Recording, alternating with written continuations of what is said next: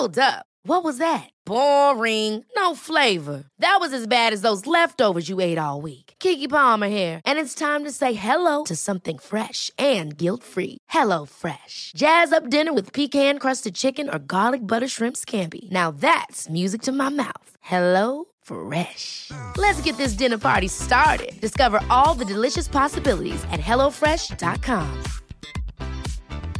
Many of us have those stubborn pounds that seem impossible to lose, no matter how good we eat or how hard we work out. My solution is PlushCare. PlushCare is a leading telehealth provider with doctors who are there for you day and night to partner with you in your weight loss journey. They can prescribe FDA-approved weight loss medications like Wagovi and Zepbound for those who qualify. Plus, they accept most insurance plans. To get started, visit plushcare.com slash weight loss. That's plushcare.com slash weight loss. Life is full of what ifs. Some awesome, like what if AI could fold your laundry? And some, well, less awesome, like what if you have unexpected medical costs? United Healthcare can help get you covered with Health Protector Guard fixed indemnity insurance plans. They supplement your primary plan to help you manage out of pocket costs. No deductibles, no enrollment periods, and especially no more what ifs. Visit uh1.com to find the Health Protector Guard plan for you.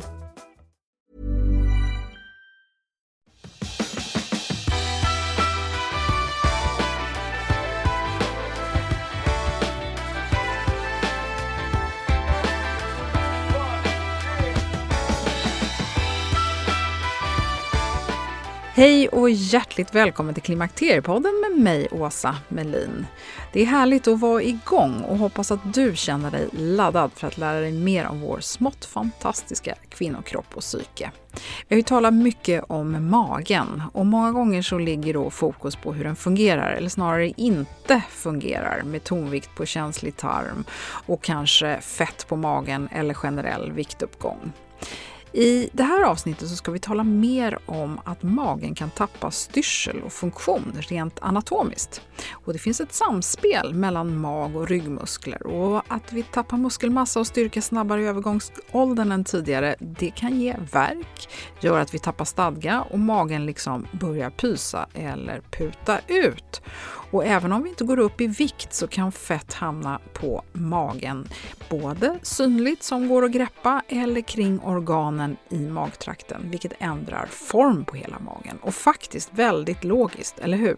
Men det finns ytterligare något som vi kan ha med i den här ekvationen och det heter rektusdiastas. Diastas betyder delad och rectus betyder raka och då när man talar om rectusdiastas så syftar man på de raka magmusklerna. I min värld så var det här ett tillstånd, alltså rectusdiastas, som bara kunde drabba den som varit gravid. Men ja, det är nu som det blir spännande. Så välkommen att lyssna!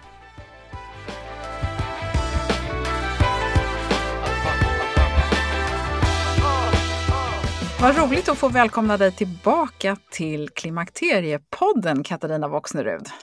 Tack att jag är inbjuden. Jaha, du har nästan bjudit in dig själv skulle man kunna säga. ja, eller hur? Ja. Så nu vill, jag, nu vill jag berätta om det här. Ja, ja men precis. Nej, men, Katarina, eh, du har ju varit med tidigare. Du är legitimerad naprapat och du har ju framförallt inriktning just på kvinnors hälsa. Du har också skrivit en bok som heter Livet med klimakteriet och så driver du då eh, hela Kvinnans klinik och du föreläser och arbetar kliniskt och dessutom så forskar du. Eh, berätta mer, vem, vem är du Katarina? Nej, men det är väl som du säger, så jag är en legitimerad naprapat och blivit allt mer intresserad av kvinnors hälsa. Dels med graviditet och förlossning, men sen också då med klimakteriet. Och mycket det jag tittar på är ju de hormonella förändringarna som sker i kroppen under vissa tider. Och sen då hur kan man, vad händer i kroppen, hur kan man röra sig, motionera, vad händer, får man ont och, och att hålla igång. Det är min, min utgångspunkt är att känna sig stark resten av, liksom genom olika perioder och att komma tillbaka sen igen när man har fått kanske en skada eller någon förändring som pågått. Ja. Och det, blir ju, det vet vi ju att det kan vara utmanande att behålla framförallt muskelmassa och styrka och rörlighet i klimakteriet. Och det är ju många faktorer här som lite grann arbetar emot oss. Och Katarina, jag kan ju bara nämna också att du har ju varit med i avsnitt 202 där vi talade om urinläckage, vilket är ett jättebra avsnitt för det här är ju en oerhört stigmatiserande eh, ett symptom eller vad vi ska säga, ett tillstånd och väldigt stort hinder för många kvinnor som är drabbade. Och dessutom så är det ju inte det här, det, en del tror att en operation är det enda som hjälper och det är ju faktiskt inte alltid så. Nej, det finns mycket, mycket man kan göra själv och som du säger, så att man lite grann försöker titta och om man nu kan säga som nyfiket närma sig det också, att, att lära sig lite mera om och titta på, för det finns mycket man ofta kan göra. Så att operation kan ju behövas sen, och absolut också. Men, eh, men, men just det här, jag tror att många kvinnor just när vi nu pratar om träning, undviker det för att man inte litar på att man kan hålla tätt. Och jag vet kvinnor som undviker att ha sex för att man är rädd för det, man vågar inte närma sig en ny partner och så vidare. Det finns otroligt mycket eh, olika anledningar till att få ordning på ett eventuellt läckage, oavsett om det är stress eller fysiskt eller vad det nu kan vara. Mm. Sen eh, vill jag bara lägga till också att du var med i avsnitt 146 och 147 där vi pratade dels om din bok då, Livet med klimakteriet, men också hur man kan stötta kroppen kring det här med smärta och ledvärk som ju är jättemånga kvinnor som eh, eh, ja, lider av. Och det är mm. ju också någonting som så att säga har en tendens att eskalera när östrogenet inte riktigt skyddar oss med sin antiinflammatoriska och liksom smörjande effekt kan vi väl säga då i klimakteriet. Men du, den här gången så ska vi prata om magen och bukväggen. Ja. Berätta, varför ska vi göra det nu då? Eh, bukväggen är ett ord som jag använder idag och det är mycket, och det är ju magmusklerna och den här stödjevävnaden, fascian som ligger runt omkring och huden, så att allt som ligger på framsidan av kroppen. Och många upplever ju att, att magen ändras med åldern och med ökad ålder och jag träffar många på kliniken också som säger men någonting är annorlunda, liksom, så jag vet inte vad det är, men kan vi titta på vad det är för någonting som, som händer? Eh, är det typ delade magmuskler eller är det att jag rör mig mindre eller är det liksom att det har samlats mer bukfett på insidan eller vad tusan är det som har hänt här? Så att eh, där är väl den som är ingången idag, att se vad kan det bero på olika faktorer. Katarina, kan vi inte gå in lite mer på det här med, med, muskelmassan då? För magen är ju ingenting som man kanske direkt ser på samma sätt som man kanske ser på en arm eller på ett lår eller så, eh, tänker jag. Och det är också lite mer som ligger ovanpå magmusklerna Eh, för de flesta av oss. Man har ju inte direkt någon sån här sixpack man kan mäta dagligen. Nej, och mer muskelmassa så tänker jag inte framförallt att man, man bör satsa på magmusklerna blir så mycket större i volym. Man, när man tränar magmusklerna är både att man har eh, lite lättare arbete för att bli stark i vardagen, men även såklart tyngre, tuffare övningar som man orkar lyfta och bära även i vardagen sen. Men det är inte muskelmassan i magmusklerna framför allt. De behöver vara tillräckligt starka för att man ska kunna träna och styrketräna andra saker. Utan muskelmassa mycket generellt i hela kroppen, att hålla igång eh, förbränningen och vara tillräckligt stark i kroppen och mer muskler på kroppen kostar ju mer energi att använda och föra fram i vardagen. Så att när du styrketränar och ökar muskelmassan generellt i kroppen, då om du har lite övningar för magen också, så ökar muskelmassan där också. Mm. Och det i sin tur gör ju också kanske att man känner att man har mindre ont i ryggen. För jag upplever att många kvinnor klagar på att de har ont i ryggen och då kan det ju vara så att ryggen får ta eh, lite stryk på grund av att magen är för vek så att säga. Det blir en obalans där, kan man säga så? Det blir en obalans, absolut. Och det är precis som du är inne på att i vardagen så ska man ju ha magens muskler ska hjälpa till att hålla kroppen uppe. Mm. Och vi har ju gravitation här på jorden, så att om inga muskler spänns så ramlar vi ihop en hög på golvet. Så någonting måste hålla upp oss. Och tittar man då på bålen på mittenpartiet på kroppen, magen och ryggen, om vi tänker oss att magens muskler skulle göra noll arbete, det gör de inte, men om vi tänker oss det noll, då är det någonting som måste göra hundra och då är det oftast ryggen som liksom kompenserar. Och då kanske ryggen överarbetar och sen kanske man har en hållning som gör att man lätt liksom jobbar med överarbeta med ryggens muskler medan magen inte får göra sitt jobb, alltså inte vara med och bidra. Mm. Utan att där då hitta även i vardagen då en, en hållning och liksom en rörelsemönster som gör att magen får vara med och göra sitt jobb. Mm. Annars jag brukar beskriva som att det är ungefär som du har ett fotbollslag och sen är liksom backlinjen sitter och har picknick där bak. Liksom, de gör inte sitt jobb i, i laget. Men då får man ju liksom komma igång dem och, och ha ett spel så att de får hänga med och också vara med. Och göra sin del. Så att magens muskler ska ju finnas med och som du säger då stötta kroppen och om magen jobbar och gör sitt jobb, då kan ryggen göra sitt Och då behöver man inte överkompensera på olika sätt. Så får man oftast mindre ont i ryggen kanske. Mm. Du, sen har vi det här med hormoner som också eh, påverkar oss. Mm. Så med förändrade hormonhalter som blir i, kring menopausen och lägre halter östrogen, det gör ju att man styr om lite var fettet lagras någonstans. Så även om man inte skulle gå upp i fettmängd i kroppen, om man säger man ska ha samma mängd fett, så även då när hormonhalterna sjunker så kan det vara att man känner så att men nu har, det blivit, nu har jag gått upp i vikt för magen känns större. Men då kanske det har minskat kring, kring rumpa och lår så att det styrs bort ifrån rumpa, lår och så lagras det kring magen istället. Det är det som här ändrade östrogenhalterna gör, att man styr mera fettinlagring mot magen och buken och mot insidan på magen det lite ja, Det blir ju en manligare profil kan man säga. Att man Just får liksom plattare rumpa och mer putande mage. Det är nästan oundvikligt. Och även om man då väljer att ta hormoner under klimakteriet som behandling så är det ju ändå förhållandevis låga nivåer mot vad vi har haft tidigare. Så det är ju ingen lösning på något sätt att man Nej. tror att man ska behålla sina eh, östrogennivåer på, den tid, på samma nivå som man, när man var, var på den tiden man var fertil. Nej, Nej verkligen.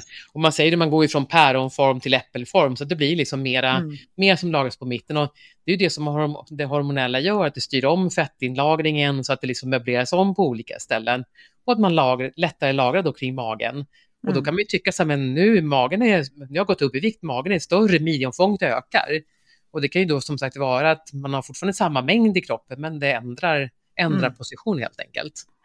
Men du, sen finns det något spännande som vi ska eh, prata mer om här och det är ju någonting som man enkelt skulle kunna kalla för delade magmuskler eller diastas. Så första gången jag faktiskt kom i kontakt med det här som jag inte var medveten om var att jag hade en kollega och hon hade hon var väldigt smal hela hon, men hon hade en väldigt putande mage och jag gick alltid och funderade på om hon liksom, eh, ett tag så trodde jag att hon var gravid och sen förstod jag att nej men det händer ingenting åt något håll så det är inte det och så jag tänkte så här, ja men hon måste verkligen ha problem med att gaser i magen eller någonting. Kan du inte berätta vad det skulle kunna ha berott på eller beror på? Så diastas som du säger, det är i dagligt tal säger man delade magmuskler, men egentligen då ordet delade magmuskler, det låter ju som att någonting delar sig, går i tur och så pratar man om att det ska växa ihop igen. Men egentligen är det inte det det handlar om, utan men när, när diastasen, när det sker, det är ju vanligen en graviditet till exempel, eller om man går upp mycket i vikt. Och det som händer är att hela magen töjs ut, hela bukväggen töjs ut. Och längst fram har man en högermuskel och en vänstermuskel. Och när allting töjs ut, då ökar avståndet mellan de här magmusklerna. Så höger kroppshalva muskel dras åt höger och vänster åt vänster. Men du menar du alltså att när man går upp i vikt, att fettet lägger sig alltså innanför så att det kan påverka på samma sätt som en, en graviditet? Ja, så att om, du blir, om det blir bukfett på insidan så kan, det vara, kan du få det här diastas, delade magmuskler också, absolut. Ja, men det är mer, alltså för det är ju mer den typen av fettansamling som man brukar säga lägger sig runt organen, inte det här som lägger sig liksom eh, som går att ta tag i. Liksom. Just det, nej, inte det som ligger under huden utan precis som säger, som ligger djupt inuti runt organen. Ja. Så mer om man säger manlig fettökning, bukfetma, det brukar sitta runt de inre organen och det gör den här att magen, det blir som en, som en lite hårdare tunna kan man säga, som att allting töjs ut och dras ut. Okay. Men det kan påverka också att hela magen töjs ut och då dras magmuskler åt vardera sidan och då får man ett ökat avstånd mellan dem. Så själva diastas, det är att det är ett större avstånd mellan magmusklerna fram i magen. Så att det är liksom ett, eh, ena sidan, höger sida går åt höger och vänster åt vänster. Mellan dem finns det en sena. Så att den här diastas, det är ingenting att någonting är trasigt eller bort smärta eller dina hål, ingenting sånt, utan det är att man drar vardera muskler åt vardera sidan och mellan dem ligger en sena och den töjs liksom ut, men senan töjs ut och förtunnas. Så att diastas är liksom att man har bredare mellan magmuskler mot vad som är normalt. Det är det som ordet säger. Så när jag tränar mina magmuskler så blir musklerna större men senan är ju så att säga där den, all, ja, den är där utan att påverkas? Mm, det här är det man inte vet, så att, men när om man tar igen graviditeten eller när hela magen, bukväggen töjs ut, det är som att man tar sin tröja och så sätter man tröjan i uttöjning i några månader, töjer ut den i sidled. Då töjs ju hela tröjan ut i liksom generellt runt omkring allting. Och det sker i kroppen också så att hela magen och alla magmuskler töjs ju ut i sidled. Men längst fram har man den här senan som töjs lite extra mycket. Men när man sen då tränar magmuskulaturen, då är det ju muskler man tränar, men samtidigt blir ju senorna starkare också. men det betyder inte att de starkare. drar ihop sig, för det betyder inte att den här diastasen eller mellanrummet för den saken skulle bli mindre. Det kan bli absolut bli mindre och framförallt blir det ju mindre vad man tror när, när magen då har varit uttöjd tidigare och när den drar ihop sig och anpassar sig till det icke-gravida tillståndet eller till att man har gått ner i vikt, att allting drar ihop sig och kostymen blir lika stor som innehållet där just då. Då närmas magmusklerna, de kommer närmare mot varandra igen, så den här senan kan absolut ändras. Och bredden mellan magmuskler kan ändras. Bredden mellan magmuskler kan ändras när man tränar och rör sig och tiden går också. Så att det är föränderligt. Precis som allting annat i kroppen så är det föränderligt. Det är inte alltid det kan ändra tillbaka helt och hållet. Men du, spelar det någon roll då? Eh, när den här senan och hela magen då, att det blir uttöjt, om man en viss avstånd, man säger så här, normalavstånden brukar man säga så här, avstånden mellan magmuskler normalt sett innan graviditeter, det ser man, det är två centimeter ungefär. Men sen om du har tre centimeter, då behöver du inte ha några besvär. Du kan ha fyra centimeter och inte ha några besvär. Men vissa som har fyra centimeter, de, har, de får liksom svårt att hantera kroppen och svårt att belasta sig, svårt att träna, svårt att bära saker och ting. Alltså man, man tål inte belastning längre i kroppen. Så att någonstans när det blir för mycket uttöjning i hela bukväggen och därmed även senan längst fram, då blir det som att man, man liksom får problem i kroppen. Nu tänker jag att den här kvinnan som nu kommer i klimakteriet, som kanske tidigare haft de här fyra centimetrarna och det har varit helt okej. Okay. Vad händer då i klimakteriet? Ja, det är det som vi vill ta reda på, det, det man inte riktigt vet. Men det man då tittar på är så att, ja, men, eh, tänk, tänker vi nu till exempel om den här senan och allting i magen, det är ju stödjevävnad.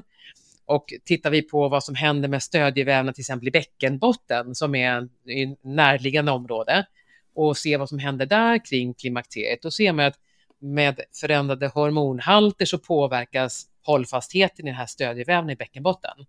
Så man får liksom en, en sämre hållfasthet och stödjevävnaden minskar i mängd. Så att besvär man har haft sedan man fick tidigare, men som man har kunnat hantera under sina fertila år med bra hormonhalter. När hormonhalterna sjunker så visar sig besvären.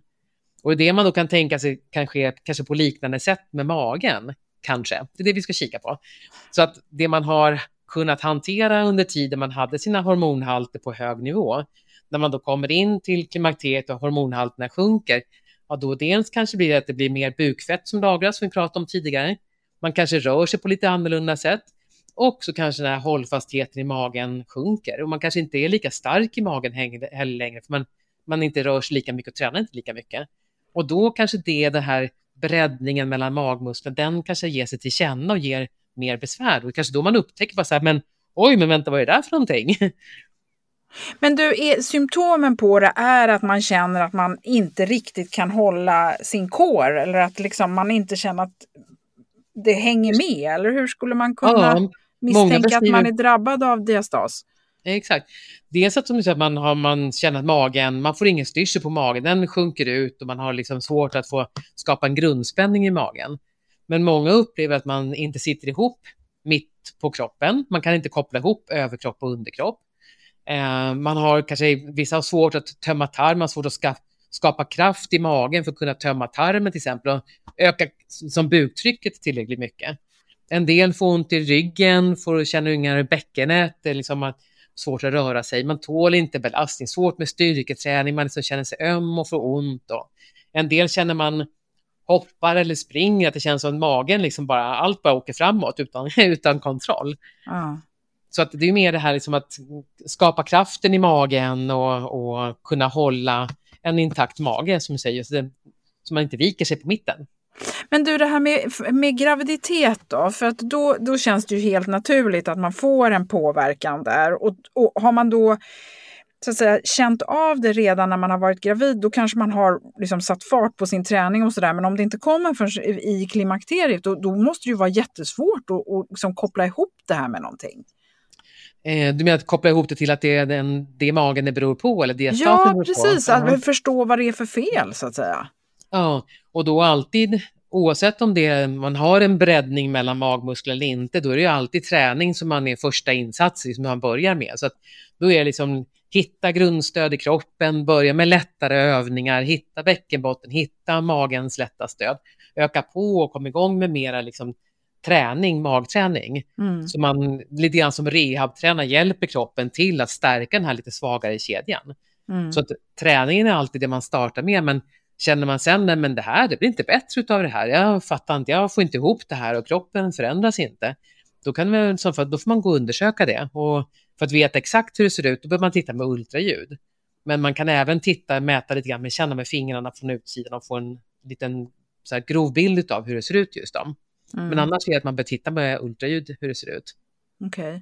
Så att eh, om man känner igen, oavsett om man har varit gravid eller inte, och oavsett om man är överviktig eller inte, så kan det ändå vara idé att liksom försöka eh, förstå, om man känner igen sig i det här, så kan det vara en idé att, att försöka förstå om man kanske har en sån här diastas.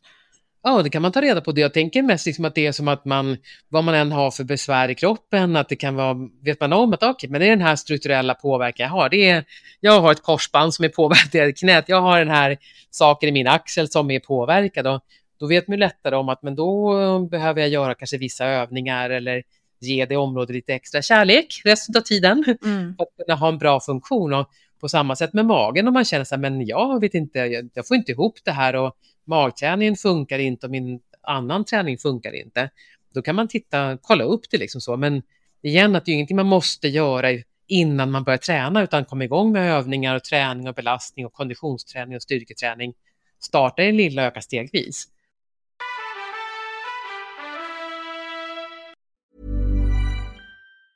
A lot can happen in the next three years. Like a chatbot may be your new best friend. But what won't change? Needing health insurance. United Healthcare Tri Term Medical Plans are available for these changing times. Underwritten by Golden Rule Insurance Company, they offer budget friendly, flexible coverage for people who are in between jobs or missed open enrollment. The plans last nearly three years in some states, with access to a nationwide network of doctors and hospitals. So, for whatever tomorrow brings, United Healthcare Tri Term Medical Plans may be for you. Learn more at uh1.com. Hey, I'm Ryan Reynolds. Recently, I asked Mint Mobile's legal team if big wireless companies are allowed to raise prices due to inflation. They said yes. And then when I asked if raising prices technically violates those onerous two year contracts, they said, What the f are you talking about, you insane Hollywood ass? So to recap, we're cutting the price of Mint Unlimited from $30 a month to just $15 a month. Give it a try at mintmobile.com slash switch. $45 up front for three months plus taxes and fees. Promo for new customers for limited time. Unlimited more than 40 gigabytes per month. Slows. Full terms at mintmobile.com. Life is full of awesome what ifs and some not so much, like unexpected medical costs. That's why United Healthcare provides Health Protector Guard fixed indemnity insurance plans to supplement your primary plan and help manage out of pocket costs. Learn more at uh1.com. Det är härligt att klimakteriets tabu äntligen är på väg bort. Vill man försöka klara sig utan hormonbehandling så finns nu många nya kosttillskott som lovar bland annat hormonell balans och som ska stötta brister. Jag vill lyfta min räddare i nöden, Femarel. Det har inte bara varit min utan många andra kvinnors räddning i över 20 år. Och med lång tid på marknaden, med nöjda användare, dessutom med 20 forskningsstudier så vågar jag säga att det kan vara en god idé att prova Femarel. Femarel finns på apoteken och i hälsokostbutiker. Tack Femarel som varit min samarbetspartner i många år.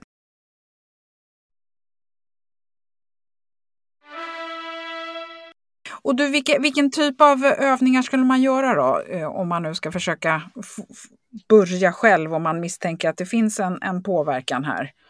Då skulle jag börja mycket med till exempel så här, som sidliggande övning eller sidoplankan till exempel. Och, men på knäna med lite lättare övningar som man inte tar i som man tar i med, med kung och fosterland med 100% kraft överhuvudtaget.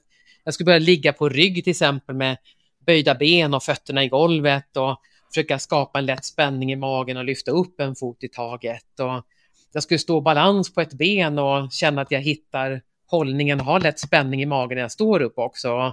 Och liksom att jobba på olika sätt med lite lättare krafter också. Ja. Så man inte bara satsar på att sitta på plankor, den tyngsta, tuffaste träningen. För då kanske man kompenserar så mycket och känner mest i ryggen istället, man blir trött efteråt. Ja, du menar alltså att om man gör en sit-up och man är liksom för, för svag eller man försöker stå i plankan och man är för svag, då är det ryggen som jobbar och så kanske man får ännu ondare? Eller... Just det. Ja. ja. Okay. Så att man liksom stöm, har man en, en liten svagare länk där det inte liksom Eh, jag brukar, om vi går tillbaka till här, brukar jämföra ofta med det här fotbollslaget igen. Om vi går tillbaka mm. till backlinjen som har suttit och haft picknick länge nu, eller gått och satt sig på avbytarbänk under tiden.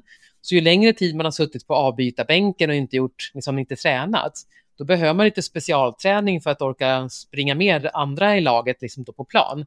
Mm. Annars orkar, blir man ju alltför trött. Och sen behöver man då lära hjärnan och kroppen till liksom det här fotbollslaget att få bra samspel mellan sig. Så inte alla bara springer lite hull och buller på plan och det är ingen ordning på det där, utan i kroppen då, om man tittar på att starta i det lilla lätta och, och liksom hitta lågkraftsövningar för magen först, för att få med de här musklerna, få träna in en god teknik så de får vara med och bli starkare. Och sen samtidigt så ökar man på och får med sig de här, alla muskler med sig upp, så att även man orkar med de här tuffare övningarna så småningom. Mm. Du, eh, jag tänker mycket på, jag vet ju att du är en eh, långdistanslöpare. Jag klassar mig inte som långdistanslöpare, jag är en kortdistanslöpare. Och det som jag har hittat till som fungerar väldigt bra för mig är ju att jag kombinerar det med yin-yoga som ju är en väldigt lugn yogaform. En del skulle kanske till och med kalla det för stretching. Eh, och eh, det är ju att man ligger stilla i samma position under en ganska lång mm, tidsperiod mellan tre och fem minuter brukar det vara. Och då eh, den här eh, underbara läraren som jag går för, hon pratar mycket om psoas. Eh, en muskel som fäster ända upp i magen och som framförallt har med höftböjaren att göra. Kan du inte bara berätta lite om den? För det här tycker jag är jätteintressant med just att man kan faktiskt ha ont i magen fast det är egentligen höftböjarens fel. Mm. Och den är väl en sån här lite kontroversiell muskel den också skulle jag vilja säga. Att man, en del kan ju vara att man är stum och stram i den, det man vanligen brukar säga i psoasmuskeln, höftböjarmuskeln. Men eh, börjar man undersöka och, och liksom muskeltesta och se så att ibland kanske man är väldigt svag i muskeln istället, så den har underfunktion. Och det är därför som man då kan få, bli, få ont i den och bli trött och öm. Och man kanske behöver stärka den istället, så att den kanske inte är kort och kort och stark som man har pratat om i lång tid, under många års tid, utan den kanske istället är svag och underfunktion. Så att den kan ju behöva också få kanske stärkas ibland och inte bara töjas och slappna av. Mm. Så där behöver man igen då bara titta på helheten igen då i, i magen. Så den är en bidragande faktor tillsammans med bäckenbotten och ryggen och höfterna och lår, som alla lårmuskler, sätesmuskler och allting. Så att allt ska ju samverka just i hela området. Ja, men det är så spännande ju! Alltså, mm. Tänk vad, eh, vilken kunskap en person som en naprapat som du har om allt det här. Det blir ju så komplext ju, eller hur? Blir det inte, nästan, blir det inte väldigt svårt att som, råda eh, vad det är man ska satsa på? det svåra är att råda så här allmänt verkligen vad man ska satsa på, precis som du säger. Att, men är det det här? Ja, men det vet man inte. Först måste man testa. Så att har man besvär och inte blir, utav, inte blir hjälpt av de här generella råden, man testar på det där, men det hjälpte inte, och så testar man det, då blir man inte hjälpt. Gå och sök hjälp, ta en undersökning och, och se vad gäller för just dig. Är den mm. stark eller är den svag? Eller den kanske mår jättebra, men det är någon annan som, det, som är besväret här istället. Mm. Så att det är ju igen det här fotbollslaget, så att det är någon spelare som inte gör sitt jobb, ja, då får de andra kompensera för det. Mm. Så igen så får man då titta mer på just komplexiteten, det är komplext i kroppen, som, eller som vi vet med hormoner och allting. Så att eh, sök hjälp, det är liksom värt det. Nej, men för jag tycker att det är så spännande det här med att man kan liksom, eh, många gånger så säger ja, men satsa på de stora muskelgrupperna eh, och så vidare. Men det är bara det att när man satsar på de stora muskelgrupperna så får de små, de blir ännu mindre och de får, liksom, så får de stora liksom, överanstränga sig lite. Jag tycker det är jättespännande när du pratar om hela det här fotbollslaget. Men du, en annan sak som vi gör då, om vi ska prata, komma tillbaka till den här magen, det är att vi går ju och drar in den också eftersom vi inte gillar när den pöser ser ut. Det ska man ju inte, så att man vill ju inte man ska gå omkring och dra in och hålla in magen för att då håller man med ganska hård kraft och då orkar man inte hålla magen dessutom så hård kraft under lång tid, utan sen slappnar man ju av och då tappar man kanske all kraft i magen. Och att hålla in magen hårt, då bromsar man ju andetaget, man påverkar rörelsen i kroppen, utan magen ska ju vara lite lätt spänd just, typ som jag pratade om det här med motverka gravitation, så alla ska vara med och hjälpa till i det här laget då. Men att man inte spänner magen hårt, så att försöka hitta en hållning där man känner sig att ja, men, ja, när jag står upp här, då, då jobbar magen lite lätt automatiskt. Men att inte gå omkring och hålla in den och dra in den hårt, utan den är ju där den är. Liksom så. Det, det är, ibland är den lite större, ibland lite mindre. Så att, och även tarmens innehåll kan ju såklart påverka hur magen sjunker ut eller inte. Om det är buller och bång och IBS och stök och bök på insidan så kan ju det färga av att magen skjuts ut och det är mycket gaser och liknande. Så absolut kan ju insidan påverka också magen utåt. Mm. När man står upp eh, så, så ska du ju ha ett lag, en lagom spänning så att säga. Men den spänningen den har inte med att dra in magen att göra. Nej, utan jag säger så att, brukar beskriva det som att, att om jag står nu på, om jag står på båda fötterna och så slappnar jag av i magen och låter magen bara sjunka ut helt och hållet och bäckenbotten sjunker ner och magen sjunker ut helt och hållet. Då vill jag sen om jag ställer mig på ett ben och håller balansen, då vill jag hitta en hållning där jag känner att magen spänns. Men jag vill inte från det avslappnade läget så vill jag inte spänna magen först för att sen kunna stå på ett ben och hålla balansen. Utan att hitta en hållning där liksom hjärnan och kroppen sköter det här själv så magen spänns. Den ska ha en spänning. Ryggen spänns, rumpan spänns, bäckenbotten spänns och allting spänns lite grann. Men då får man en mer automatiskt arbete där det är jämnare fördelning. Men står man och slappnar av i magen och den pyser ut och så ställer man sig på ett ben och så händer absolut ingenting med magen, utan magen är fortfarande lika, pyser ut lika mycket fortfarande.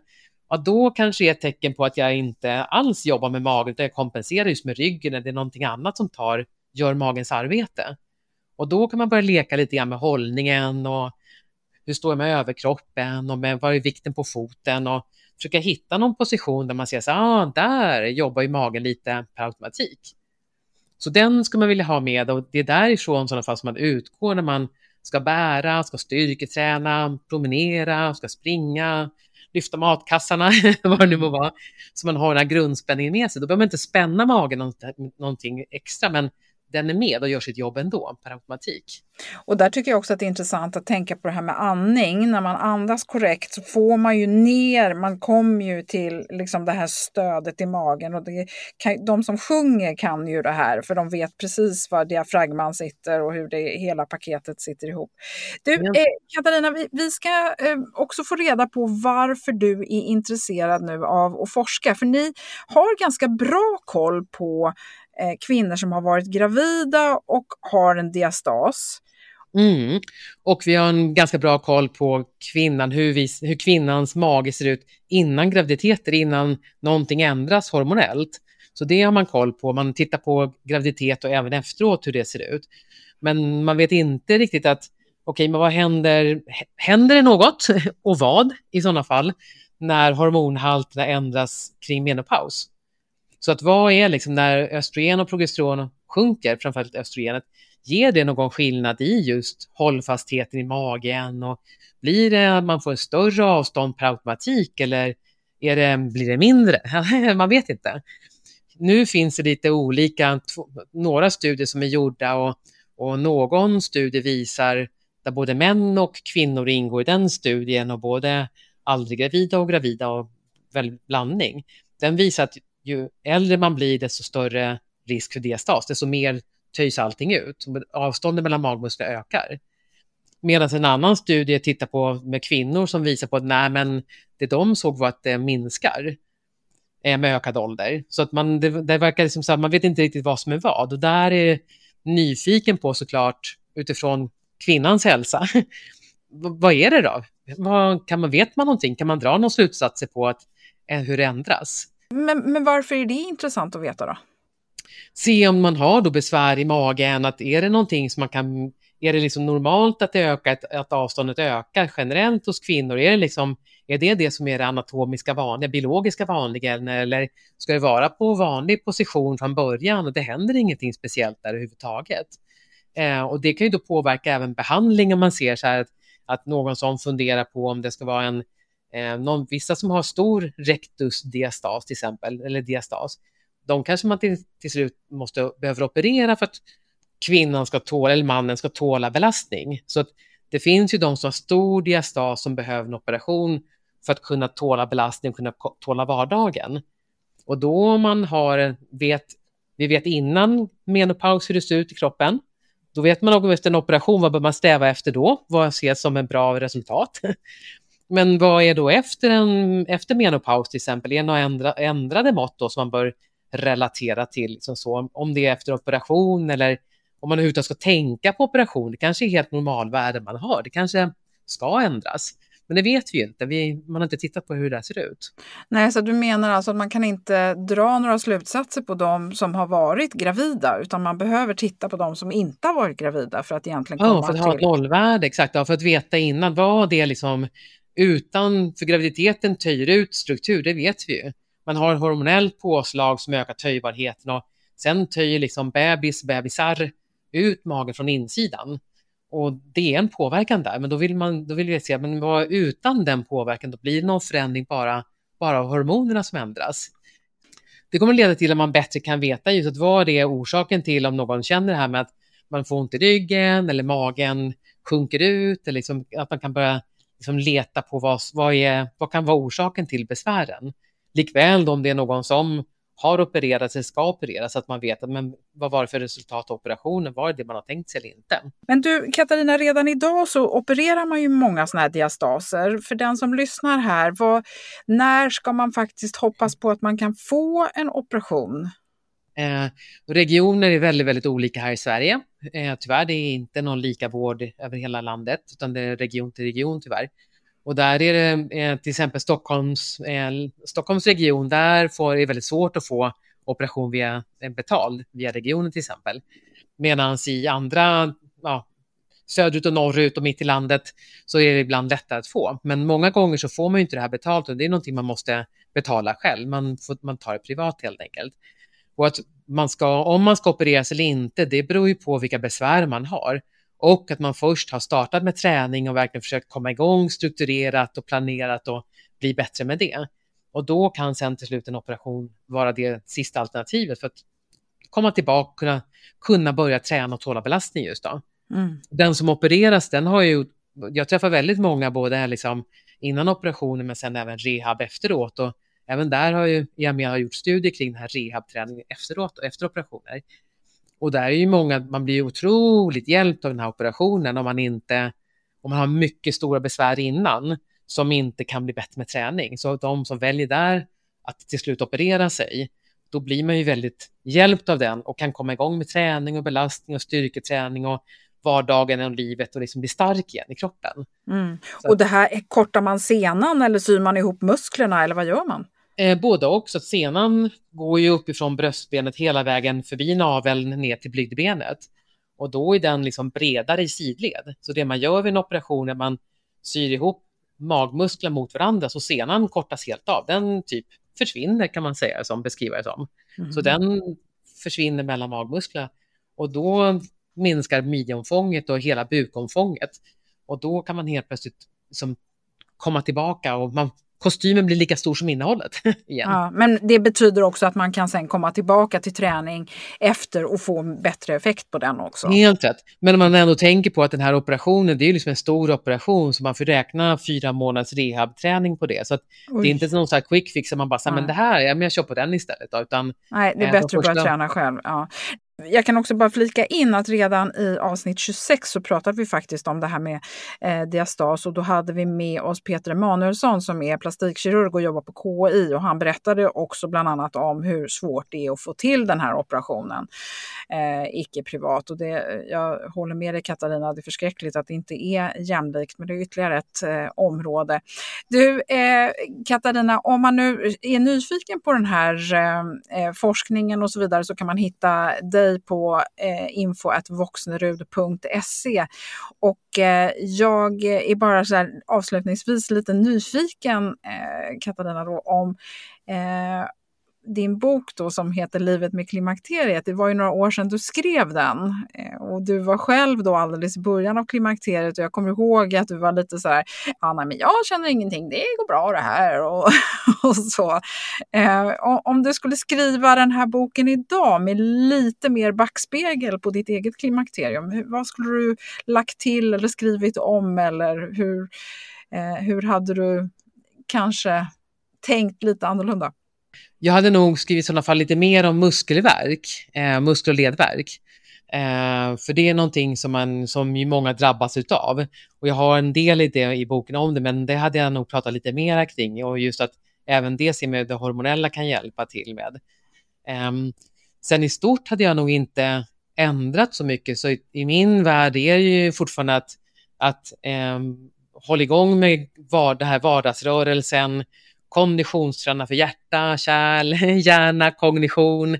Och det är inte de här någon långpass man behöver tänka på, utan det är 30-45 minuter eller 20-30 minuter ibland, två, tre gånger i veckan som det handlar om. Eh, styrketräna just då, och bygg muskelmassa, var stark. Och sen med mage, bäckenbotten där. Så att jag har nog inte ändrat så väldigt mycket. Och I min värld, jag skriver inte jättemycket om exakt med hormonnivåer man, eller hormontillskott man ska ta. Och fortfarande så ser jag inte att det är jag som legitimerad naprapat, eh, som ändå, liksom, jag är ju inom sjukvården så, men jag, jag, är inte den som rekommenderar någonting kring, kring hormonpreparat, utan där är, i min värld är det liksom så komplexa system det handlar om, så att där ska man liksom få medicinsk hjälp med gynekolog eller allmänläkare och så får man liksom söka lite grann hjälpen tills man hittar någon som kan lyssna på en, just man blir hörd av. Mm. Um, så att jag hade nog inte ändrat så mycket, men kanske mer trycka på även just det här med konditionsträning och kognition och hjärnan och kognition och minne och minska risken för Alzheimer till exempel. Då. Så att eh, man inte glömmer bort den. Jag tycker ibland att det blir att man eh, glömmer det ibland. Att det är jättebra om man pratar styrketräning, det, man behöver ju styrkan. Och många kanske går in i klimakteriet med låg muskelmassa från början och därför kanske behöver styrketräningen mer. Men det är på inget sätt negativt med konditionsträning och det är inte farligt med att kortisol bildas under konditionsträningspass till exempel. Det, då kortisolpåslag bara ska ta upp dig ur sängen på morgonen till exempel. Det är helt naturligt. Men det är med den här långvariga stress och press som påverkar kortisolet. Så konditionsträning är viktig. Liksom så. Men, men hellre då kanske kort och intensivt även då på konditionsträning och testa det. Men igen, allt är bättre än ingenting. Så starta i någonstans, bygg en hållfasthet och, och har man inte gjort så mycket tills klimakteriet, menopausen kommer, då får man liksom starta sin uppvärmning där. Bygga grunden först och sen komma igång med mera. Mm. Och med, som du sa där, vad jag själv har upplevt eller inte upplevt, jag upplevde mer muskelverk verkligen. Eh, vallningar, svettningar, det hade jag redan tidigare och där innan, det har jag haft sedan 45-årsåldern ungefär någonstans och kom in med till och från och mer stressrelaterat skulle jag vilja säga till mig att via stressen kunde jag hålla, stresshantering kunde jag hålla det mer i schakt. Men jag fick mer muskelverk, muskelledverk verkligen då. Så det var det som, som jag som hamnade på mig, liksom då, jag märkte att men det här är verkligen nu, så att, eh, hormonellt mm. påslag. Mm. Och sen så tycker jag också att det är viktigt att vi bara lägger till här att oavsett vem man är i sitt klimakterium så finns det ju ingen en lösning utan det är många bitar. Men en sak som alla är överens om är just att det här med rörelse på olika sätt, det är så viktigt.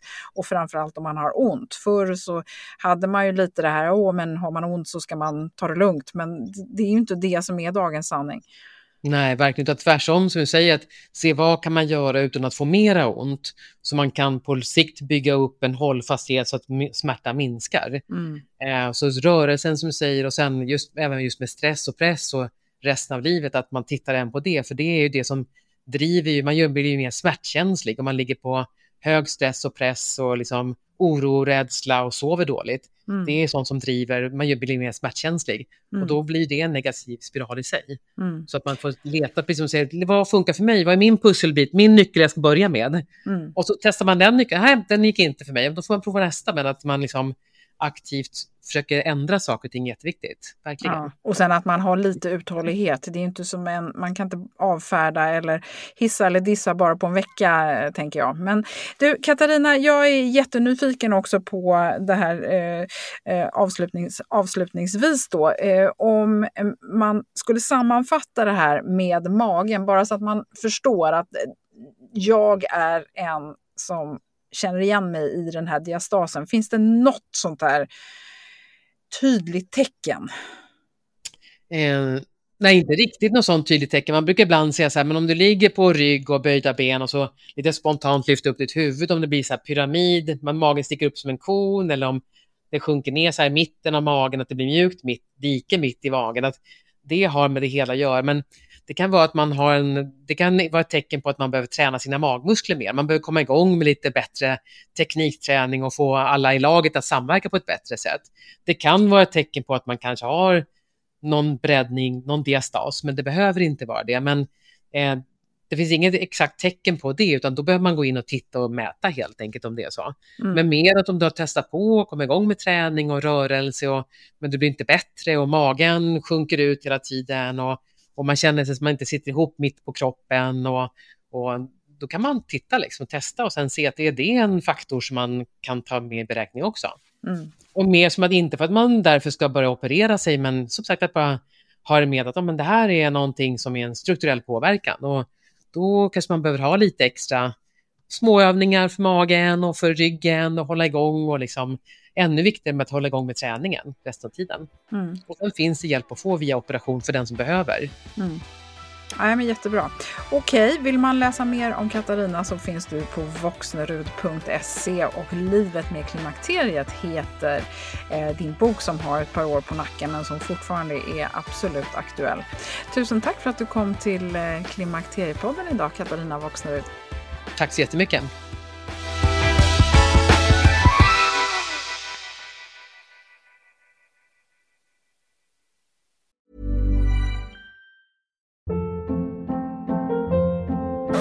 Hold up. What was that? Boring. No flavor. That was as bad as those leftovers you ate all week. Kiki Palmer here, and it's time to say hello to something fresh and guilt-free. Hello Fresh. Jazz up dinner with pecan-crusted chicken or garlic butter shrimp scampi. Now that's music to my mouth. Hello Fresh. Let's get this dinner party started. Discover all the delicious possibilities at hellofresh.com.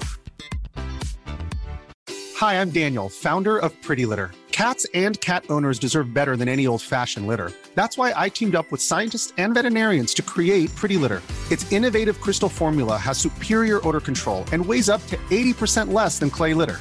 Pretty Litter even monitors health by changing colors to help detect early signs of potential illness. It's the world's smartest kitty litter. Go to prettylitter.com and use code ACAST for 20% off your first order and a free cat toy. Terms and conditions apply. See site for details. Imagine the softest sheets you've ever felt. Now imagine them getting even softer over time. That's what you'll feel with Bowl and Branch's organic cotton sheets. In a recent customer survey, 96% replied that Bowl and Branch sheets get softer with every wash. Start getting your best night's sleep in these sheets that get softer and softer for years to come. Try their sheets with a 30-night guarantee. Plus, get 15% off your first order at bowlandbranch.com. Code BUTTERY. Exclusions apply. See site for details.